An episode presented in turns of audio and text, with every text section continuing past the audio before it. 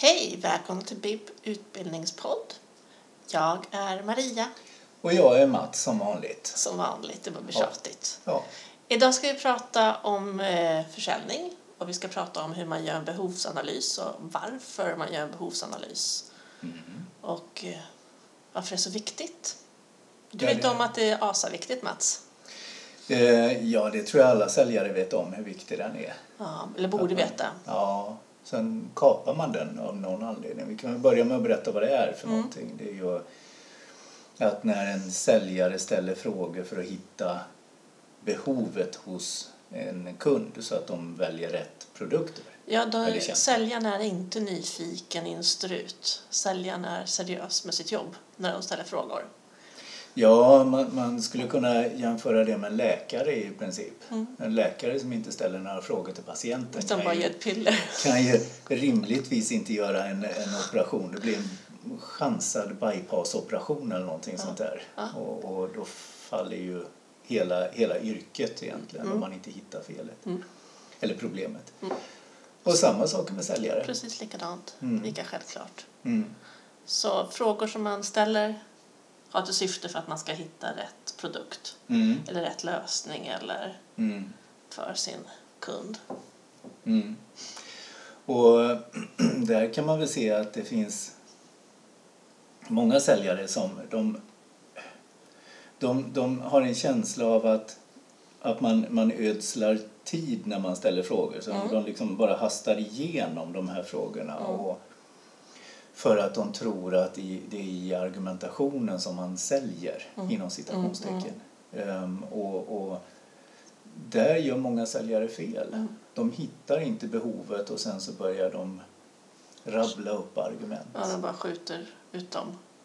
Ja, det blir lite grann som om, om, om jag inte vet vad du har för något behov Nej. så måste jag ju rabbla hela produktkatalogen för dig. Mm. Och då skjuter jag som en kulspruta i hopp om att träffa rätt. Ja, jag blir förvirrad som kund. Jag, vet ju inte, jag blir inte klokare av att få, få tusen argument om tusen olika produkter. Nej. Tvärtom, de blir bara mer förvirrad. Eh, garanterat. Om man gör det mot mig som säljare så blir jag arg också. Jag, jag tål inte folk som bara slänger fram en produkt utan att få ställt frågan vad jag, vad jag är ute efter. Nej, och jag tror att det är att man... Vi, vi, vi, Vi säljare, säljare vet ju vilken roll man har. Mm. Eh, Det är ju inte... Det är ju inte bara att förse sitt bolag med pengar utan det är ju att vårda kunderna och erbjuda rätt saker och rätt tjänster och Mm. till en helhetskostnad som, som kunden blir nöjd med. Ja. Så det, det, det är flera saker än att bara stå och rabbla. Mm. Det- Sen kan jag bli... Jag, jag gillar inte säljare som startar som en bandspelare. Mm, en För- femma stoppad i dem. Ja, Mm. stoppa fem kronor i mig så... så Så förklarar jag allt för Ja. dig.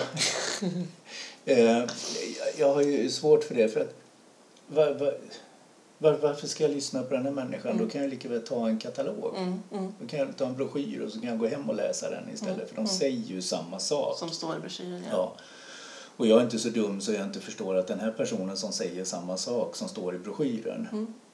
betalar jag för på ett eller annat sätt genom högre priser eller någonting. Så att jag, jag vill kunna gå in i en butik eller till en, till en säljare eller träffa en säljare Mm. Och jag ska inte behöva kunna produkten utan jag ska kunna luta mig tillbaka i stolen. Säljaren ska ställa frågor som gör att jag talar om vilken situation jag har och säljaren talar om vad jag behöver. För de är bättre på produkt Mm. och sånt än vad jag är. Mm. Och då blir man ganska okänslig för priset och man kan känna ett lugn och trygg, trygghet. För att man vet att man får rätt grej därifrån. Då tycker jag att det är skönt att handla i en butik. Ja. Och därför måste säljare Mm. ställa om tänket Mm. och tänka att det är i behovsanalysen jag säljer. Mm, mm. Jag kan säga att det är viktigt när man gör behovsanalysen att man talar om för kunden att nu kommer jag ställa några frågor till dig för att hitta vad du behöver. Ja, så de vet Så att de vet om varför man ställer frågorna. Annars Mm. kan de väl bli, vad har du med det att göra? Ja, lite så. De blir misstänks, eh, tänksamma Samma. heter det. Mm. Tack. Men det ligger ju i spelreglerna när man sätter de spelreglerna. Så att de hör ihop. Gör, Ja. berätt, gör man klart spelreglerna så har man inga, det är inga konstigheter att fortsätta med behovsanalysen. För då har Nej. man förklarat att den kommer. Ja. Och, och kunden slappnar av och svarar på frågorna. Mm. Sen är det ju... när, man, när man jobbar så vill man ju jobba lite taktiskt och strategiskt. Och, och den gamla kinesen, det fanns en kines som hette Sun Tzu, han levde på 500-talet före Kristus. Mm. Han sa, lär känna dig själv och din fiende så behöver du inte frukta utfallet av hundra slag. Och, och den kommer från krigskonstens bok. Och, och själva strategin handlar ju att den som vet mest om den andra Vinner. kommer vinna en förhandling. Mm.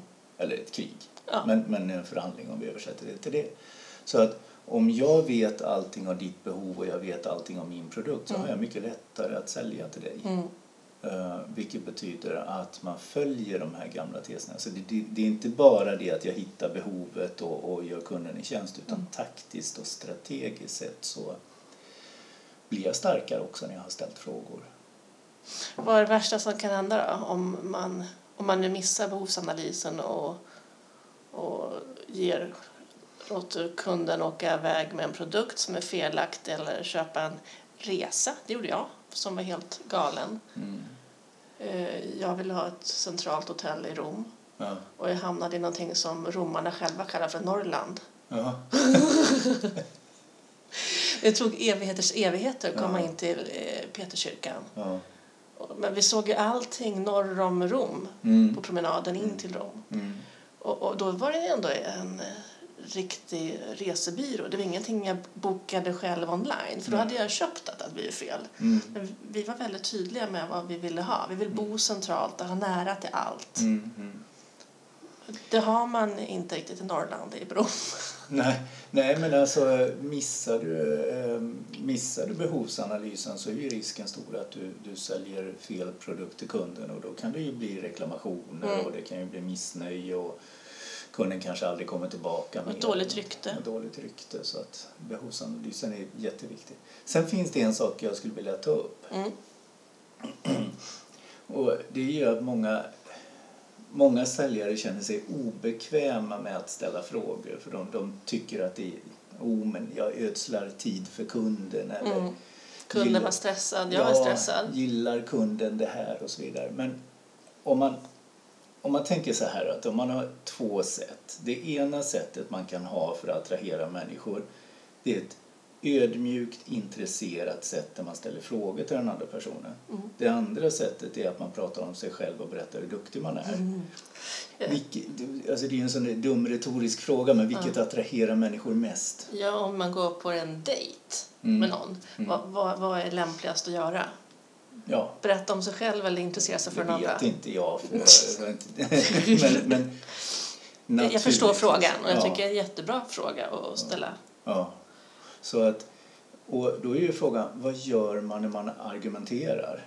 Mm. Jo, man berättar hur duktig ens företag är, hur duktig produkten är, hur fantastiskt allting är. Mm, vilket man, bra pris det är, jada, man, jada. man står ju, eller sitter ju Mm. faktiskt och skryter om sitt företag Mm. och sin produkt. Och för att kunna göra det så måste jag ju först ha förtjänat intresset från kunden genom att intressera mig först för min motpart. Mm.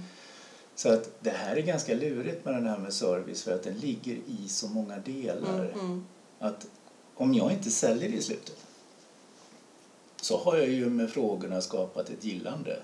Vilket betyder att frågorna och den kostnaden jag har tagit där den hamnar i service. Ja, Säljer jag, ja Mm. då handlar den i försäljning. ja. Så att vad som än händer så har jag fått valuta för den kostnaden. Suveränt. Mm. Det var lite kort om eh, Behovsanalysen.